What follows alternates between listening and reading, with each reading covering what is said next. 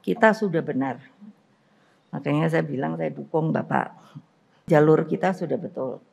Yang namanya kehidupan ekonomi meskipun belum berjalan secara penuh dapat dilakukan. Saya yakin itu. Kita sudah berada di jalan benar, jadi kepimpinan Pak Jokowi efektif, Pak. Saya mengakui itu dan saya hormat sama Bapak. Saya lihat, saya saksi, saya ikut dalam kabinet. Penanganan COVID yang cepat itu dengan kepemimpinan Bapak Presiden. Jadi dipimpin dari pusat menggunakan TNI Polri. Kalau ini menggunakan yang dari bawah, ini tidak terjadi Pak. Karena kita sudah mencoba yang namanya PSBB. Harus kita dukung penuh dan masa-masa yang paling sulit menurut saya sudah teratasi Pak. Pelibatan vaksinasi masyarakat organisasi itu sangat efektif. Pemerintah bekerja dengan partai, dengan ormas, dengan kaum muda, dengan kampus, itu luar biasa. Secara jujur kami mengapresiasi kerja keras yang telah dilakukan. Merasa berbangga hati atas seluruh jerih payah kerja keras yang telah dilaksanakan oleh Presiden Jokowi berserta dengan seluruh jajaran kabinetnya dalam penanggulangan masalah COVID ini. Masalah ekonomi tidak perlu tidak ada pertumbuhan pun menurut saya sudah satu kemenangan bagi kita sebagai satu bangsa dalam menghadapi permasalahan seperti ini. Jadi saya kira kita sudah on the right track. Tidak ada negara mana pun yang punya resep yang benar. Yang penting adalah prosesnya benar. Dan kita sudah dinilai prosesnya uh, benar. Sudah excellent Pak. Kata kuncinya Indonesia itu gotong royong, yaitu.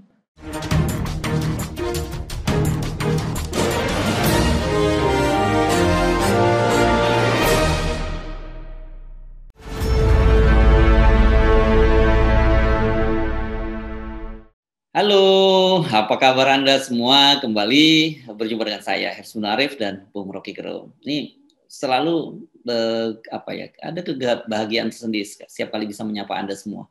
Karena artinya apa? Karena artinya kami berdua tetap sehat walafiat dan kami juga berharap Anda semua eh, sehat walafiat. Gitu juga ya, Bung Rocky ya.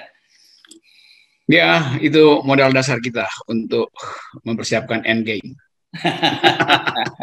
Orang bilang modal dasar pembangunan ini modal dasar endgame. Nah, ngomong-ngomong soal endgame ini, saya jujur sampai sekarang jadi agak bingung gitu dengan uh, fenomena kemarin ketika Presiden Jokowi bertemu dengan para pemimpin ketua umum partai koalisi karena kan uh, videonya sendiri itu uh, hmm. agak terlambat ya eh, diedarkannya pertemuan tanggal okay. 25 tapi dipublish di uh, akun channelnya YouTube uh, sekretariat presiden itu tanggal 28, tiga hari sebelumnya. Saya mikir-mikir apakah ini khawatir kayak kejadian di Kalimantan Timur lagi ya, ada kebocoran soal mereka para petinggi menyerobot uh, vaksin uh, nakes atau ada hal-hal lain gitu. Tapi yang muncul kemudian itu sangat menarik adalah puja-puji. Dan saya membaca di media bahkan dimunculkan dianggap bahwa ini Pak Prabowo sudah kelasnya sampai dengan ngabalin. Apa sebenarnya yang sedang terjadi? Pada akhirnya semua mengalami ngabalani ngaba, ngabalinisasi itu. Kan juga agak ajaib. Mungkin pasti diedit dulu kan. Ada hmm. ada aja yang nggak mulus itu. Untuk bocoran kecil tuh. Hmm. mungkin ada seseorang ngasih sinyal ah, ya. supaya naikin naikin naikin. Ah, ah, pujiannya. Itu diedit karena bisa aja kameranya bocor kan. Ya. tetapi itu juga agak ajaib. Kan itu sama seperti uh, satu keluarga saling memuji itu. Bapaknya muji anaknya anaknya muji ibunya ibunya muji bapaknya tuh ya, jadi ya. ngapain itu puji-puji? Kan nggak mungkin di depan presiden orang mengucapkan hal yang tidak menyenangkan kuping presiden kan kecuali orang nekat karena ingin eh, cepat-cepat keluar dari kabinet. Jadi kumpulan eh, pemimpin partai kemarin itu itu nggak ada poin sama sekali. Karena karena itu di depan presiden dipuji-puji itu. Begitu dia keluar, mungkin wartawan bertanya, kalian eh, tahu nggak eh, bahwa epidemiologis menganggap bahwa Indonesia itu tidak mampu untuk eh, menyelesaikan soal pandemi. Jadi kelihatan bahwa ini semacam arisan yang eh, agendanya udah diatur supaya nanti saling puji barang yang lagi mau dilelang di arisan ya. Padahal barangnya sebetulnya udah rongsokan tuh. Yang sana bilang, oh ini barang bagus nih, itu dinaikin harganya tuh. Hmm. Itu yang terjadi itu. Nah buruknya begitu. Jadi istana itu nggak punya alat pembanding lagi untuk mengetahui bahwa sebetulnya Eh, sang raja tidak lagi berbusana, tapi terpaksa eh, eh, punakawan-punakawan harus memuji-muji. Kira-kira begitu di zaman dulu begitu. Ya, ya. Satirnya tuh. Ya, nah ini kan agak aneh gitu ya, karena dalam situasi semacam ini dan bukan hanya kita deh, dunia internasional kan juga sudah punya penilaian sendiri mengenai bagaimana penanganan pandemi di Indonesia yang dinilai salah satu yang terburuk di. Ya agak ajaib sebetulnya. Ya, ya, ya, ya gitu. Nah, kan, tiba-tiba kan, kan muncul uh, ini dan seperti sebuah kur gitu. Bahkan termasuk Bu Megawati yang sebelumnya uh, secara tersirat mengecam pemerintah karena menyatakan bahwa harusnya Presiden Jokowi yang memimpin sendiri. Itu kan artinya ada penilaian buruk tentang itu. Juga sama-sama memuji gitu. Ya ajaibnya juga Presiden Jokowi mestinya bilang bukannya kemarin bilang saya gagal. Kan kalau begitu lebih enak kan ya. bercandanya kan. Hmm. Tapi bagian itu mungkin di di edit loh Hmm. Jadi agak mengherankan Ibu Mega uh, kalau istilah uh, zaman dulu tinta yang ditulis untuk mengkritik Jokowi aja belum belum kering. Hmm. Sekarang dia udah puji-puji Jokowi. Hmm. Ini ya menimbulkan keanehan aja dan orang menganggap bahwa kalau begitu ada janji baru dari Jokowi itu hmm. supaya kalau reshuffle nanti Ibu Mega dapat tambahan dua kalau Pak Prabowo mungkin ada satu lagi ditambahkan di situ tuh. Hmm. Jadi semua soal itu yang terlihat sebetulnya dalam pertemuan tadi. Pertemuan kemarin itu tuh.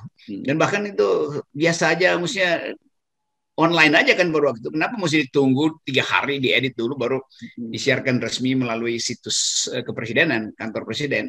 Hmm. Itu artinya beritanya udah basi sebetulnya. Nah berita udah basi tiba-tiba muncul puji-pujian itu artinya yang basi itu baru habis diawetkan lagi itu. Atau dikeluarin racunnya sehingga dianggap ya ini ini membuktikan bahwa kabinet utuh iya itu kabinet utuh. Sementara di Kementerian Keuangan kita tahu terus bagaimana Sri Mulyani ngeluh terus tuh ini nggak bisa habis ini COVID nih. Berapa lagi yang mesti gue utangin supaya uh, dana COVID itu masih bisa tumbuh tuh. Jadi kontrasnya begitu kan Ya, kita ya. tidak melihat satu orkestrasi dengan satu dirigen di situ. Ya ya.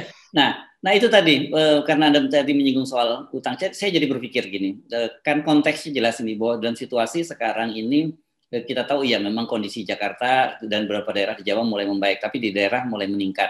Pak Luhut sendiri menyatakan bahwa jangan kaget kalau dalam waktu 10, 10 hari ke depan ini akan akan naik lagi angka COVID karena tapi menurut beliau itu karena tabulasi yang baru selesai diselesaikan gitu. Tapi apa pun itu kan angkanya akan naik. Dan kedua eh, tadi itu eh, dari si, tengah situasi kemungkinan Indonesia gagal bayar gitu karena eh, kelihatannya udah eh, kalau kalkulasi dari mana-mana apalagi Bu Simulyani kan sudah bilang bahwa ya kita bisa bayar utang kalau rakyatnya bayar pajak gitu padahal kita selama ini juga semua kan kita bayar pajak beli apa-apa beli PPN PPH kita selalu bayar pajak Nah, itu yang jadi eh, saya agak eh, sampai sekarang saya terheran-heran apa sebenarnya yang terjadi. Dan kedua, kedua yang saya pikir apa ini kan biasanya dalam situasi yang apa ya yang buruk itu kita kan selalu menyatakan yang baik-baik saja kepada orang seseorang gitu ya. Untuk membesarkan hati seseorang kan begitu. ini artinya Presiden Jokowi nggak punya uh, kuping lain itu. Kupingnya cuma itu yang dipakai untuk mendengarkan pujian dia nggak punya peralatan lain untuk mengetahui keadaan sebenarnya. Hmm. Apalagi ini yang yang memuji ini kan ketua-ketua partai sebetulnya kan. Hmm. Yang memang nggak ngerti eh, soal pandemi.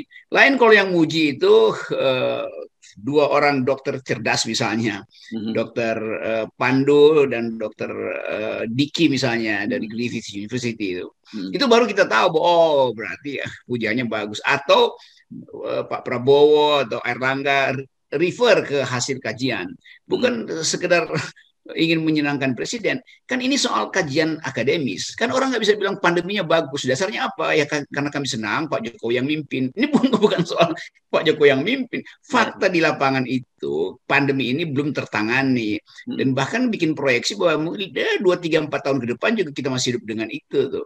Jadi kalau dibilang ya udah tertangani dengan bagus, lalu orang menganggap ya udah kalau begitu uh, nggak perlu lagi ada ppkm segala macam kan. Hmm. Jadi laporan dari bukan laporan pujian dari uh, para ketua partai ini itu justru membatalkan eh, keadaan data yang sebenarnya tuh. Ini juga sinyal palsu.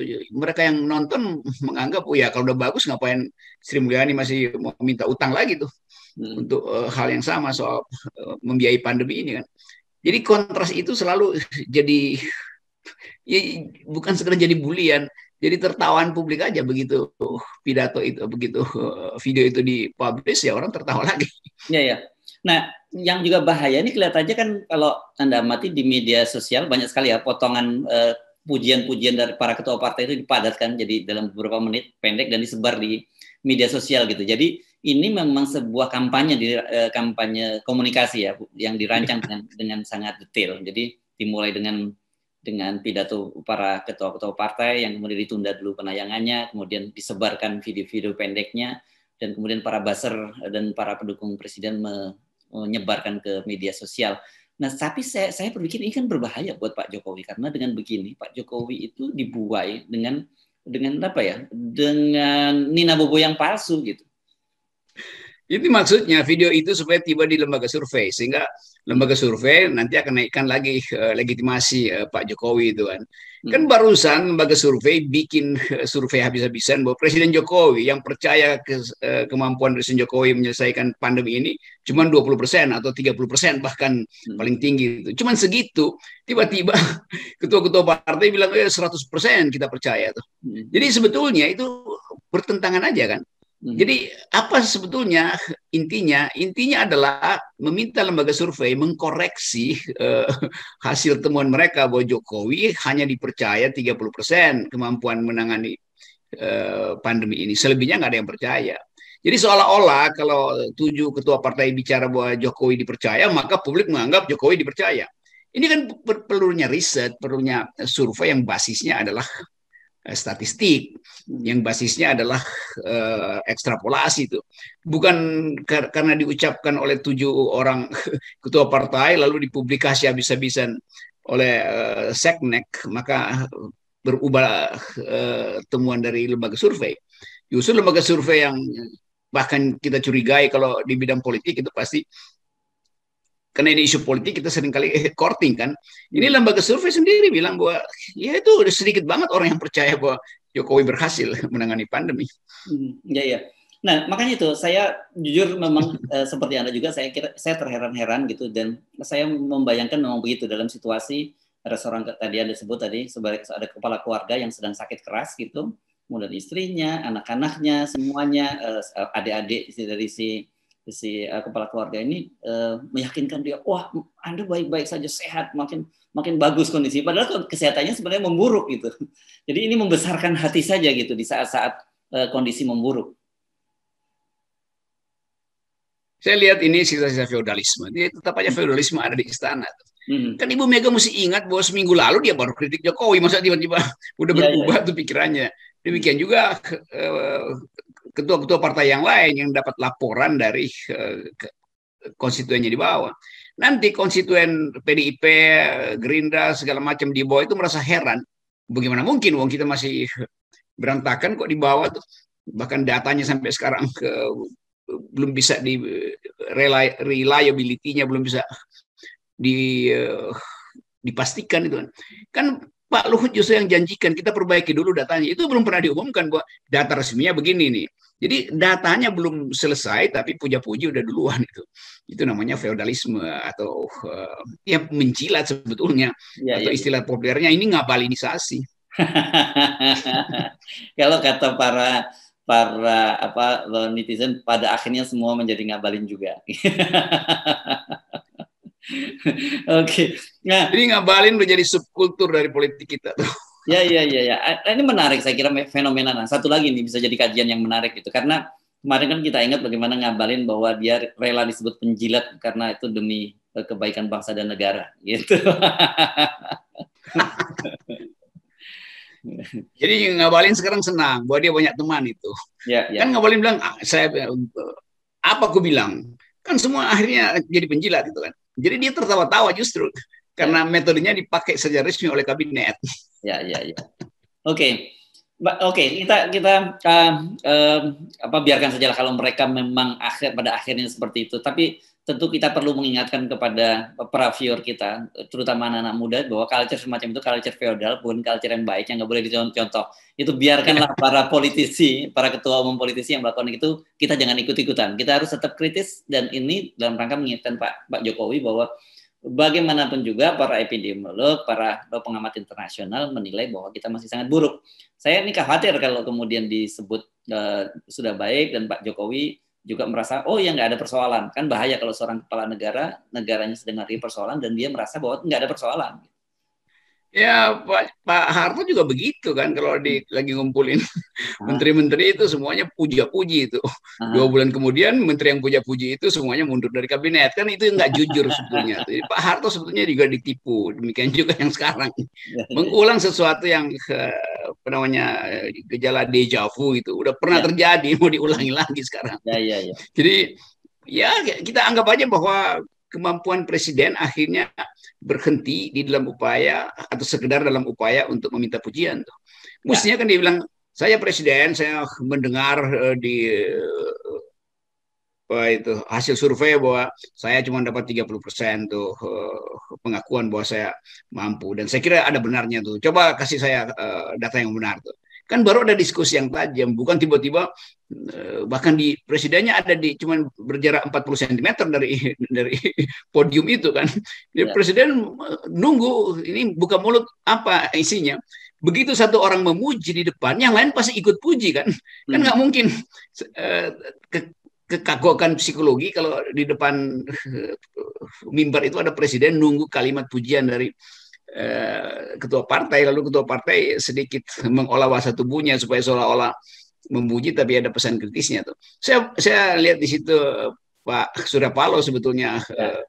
nggak mau memuji secara berlebihan. Kan terlihat bahasa tubuhnya begitu tuh. Ya, ya, Dan dia uh, sulap kalimatnya itu dengan uh, bahasa yang agak global gitu, tidak spesifik memuji. Gitu. Ya. Kalau Erlangga kita paham karena bagaimanapun juga Erlangga kan yang menjadi tanggung jawab Eh, pen dan juga eh, dan COVID ini. Jadi kalau dia menyatakan gagal kan dia akan menilai dirinya gagal gitu. Sementara kalau ketua umum partai lain yang tidak terlibat dalam penanganan pandemi kan dia tidak harusnya lebih bisa kritis gitu menilainya. Eh, ini namanya jeruk ngupas jeruk. Oke lah, kita tinggalkan sajalah mereka yang saling uh, memuji di antara mereka sendiri gitu dan biarkan mereka puas uh, dengan pujian mereka. Tapi ini ada satu kasus yes. yang menarik saya kira berkaitan dengan Pak Luhut. Ya kalau Pak Luhut kan bukan ketua umum partai, jadi dia tidak ikut memuji presiden. Nah, ini Pak Luhut sedang mensomasi Haris Azhar. Jadi eh, karena dianggap bahwa me, apa ya dalam perbincangan dengan podcastnya dengan uh, kontras yang menyebutkan bahwa Lord Luhut ini punya uh, ikut uh, bermain di tambang emas di Papua. Mestinya Pak Luhut somasi teman-teman uh, ketua partainya itu tuh yang ya. ada yang merangkap menteri. Karena barusan Pak Luhut sebulan lalu bilang saya minta maaf karena saya gagal gitu. Kok tiba-tiba sekarang Eh, dipuji-puji bahwa berhasil gitu kan. Hmm. Pak Luhut aja sendiri tahu bahwa dia gagal dalam soal pandemi. Jadi dia mestinya somasi itu. Kalian uh, cabut pernyataan itu. Ini dia somasi Haris Asrar. Iya, iya, iya. Dan saya ikuti kasus itu, tapi itu kelihatannya salah fokus karena kan yang diucapkan oleh Haris dan Fatia itu membahas hasil riset dari beberapa LSM Ya. Kontras memang ada di situ, LBH, Jiratam, mungkin hmm. juga Greenpeace atau apa. Jadi kan LSM eh, kita sekarang lagi berupaya untuk menyorot kerusakan lingkungan. Jadi itu belum selesai penelitiannya, maka dibahas sebentar. Kan itu tekniknya begitu kan, dibahas dulu, nanti ada input mungkin. Hmm. Jadi kalau sekarang tiba-tiba disomasi itu agak agak susah karena ini kajian akademis yang sedang di risetnya kan pasti panjang karena buat dapat data aja susah kan. Hmm. Kalau saya misalnya mau riset tentang lingkungan di Papua itu data tentang siapa yang uh, dapat uh, coupling di situ disembunyikan oleh BPN tuh datanya. Nah karena itu riset beginian itu riset gerilya. Nah karena itu dibocorkan pelan-pelan hasil risetnya di dalam percakapan uh, Kontras dan Haris Asrar, Fatia dan uh, Haris. Jadi itu adalah percakapan akademis yang harus justru uh, didukung mestinya oleh Pak Luhut. Kalau Pak Luhut bilang uh, apa istilah Pak Luhut? eh, tersinggung karena pakai kata bermain-main di bermain tambang itu, kan itu artinya kata bermain eh, lalu jadi eh, buruk gitu. Berarti Pak Luhut mesti bilang saya nggak bermain di situ. Yang bermain di situ itu yang buruk tuh. Ini soal biasa aja kan kalau Pak Luhut memang ada investasi di situ ya nggak ada soal kan. Hmm. Tapi sekali lagi karena Pak Luhut punya jabatan maka ini menggemparkan karena eh, bagaimanapun somasi itu walaupun itu personal tapi itu melekat pada jabatan Pak Luhut. Secara politis ada jabatan yang eh, membentak atau menegur eh, Haris Asar sebagai sebagai LSM tuh sebagai masyarakat sipil. Di situ saya kira konyolnya. Ya, tapi yang yang tapi nggak ada soal buat saya ya oke silahkan. Ya. Tapi ya ya oke harus. Yang banyak disoroti itu adalah persoalannya yang menyampaikan ini adalah juru bicara Men, eh, Menko Marinvest. Ini kan orang jadi bingung. Ini sebenarnya dia jubirnya Pak Luhut atau jubirnya Menko Marinvest karena saya kira ketika yang disoroti adalah soal bisnisnya Pak Luhut ini kan persoalan pribadi Pak Luhut ya lepas dari persoalan kenegaraan dan posisi beliau itu ya itu menduanya di situ kan. Sudah berkali-kali eh, kita tahu semua aktivitas politik Pak Luhut itu akhirnya uh, dibebankan jawabnya pada juru bicara. Padahal juru bicara itu juru bicara kementerian. Kalau ya. aspek politik dari Pak Luhut kan itu harusnya Pak Luhut sendiri yang bertanggung jawab atau cari juru bicara lain. Dalam soal bisnis juga mestinya ke juru bicara lain tuh. Jadi ini intinya uh, keadaan kita juga tumpang tindih dalam berbagai macam uh, pengetahuan kita dan itu membingungkan orang. Ini kenapa tiba-tiba soal tambang itu mesti juru bicara Menko yang ucapkan itu. Kan Menko kedudukannya sebagai institusi. Padahal yang dibahas oleh Haris itu adalah Pak Luhut sebagai uh, pemegang saham di situ tuh. Ya, ya. Dan itu artinya riset terhadap pemegang saham. Yang memang di Indonesia kan rumit banget buat tahu siapa megang saham siapa. Itu berkali-kali mungkin sahamnya di diselundupkan uh, atau senama lain. Itu pentingnya riset. Jadi saya menganggap Haris Asrar membuka percakapan tentang uh, riset lingkungan dan dimulai dengan kasus uh, Pak Luhut yang dianggap punya saham di situ. Jadi itu itu biasa aja kan. Nanti risetnya berkembang lagi ya. Mungkin satu waktu risetnya bilang oh enggak udah terjadi pengalihan kepemilikan tuh. Kan ini ongoing research tuh. Ya ya ya. Ini kita tunggu karena uh, batas waktunya kan hari ini ya, hari Senin ya Pak Luhut memberikan batas waktu agar um, Aris Hazar dan Fatia untuk minta maaf.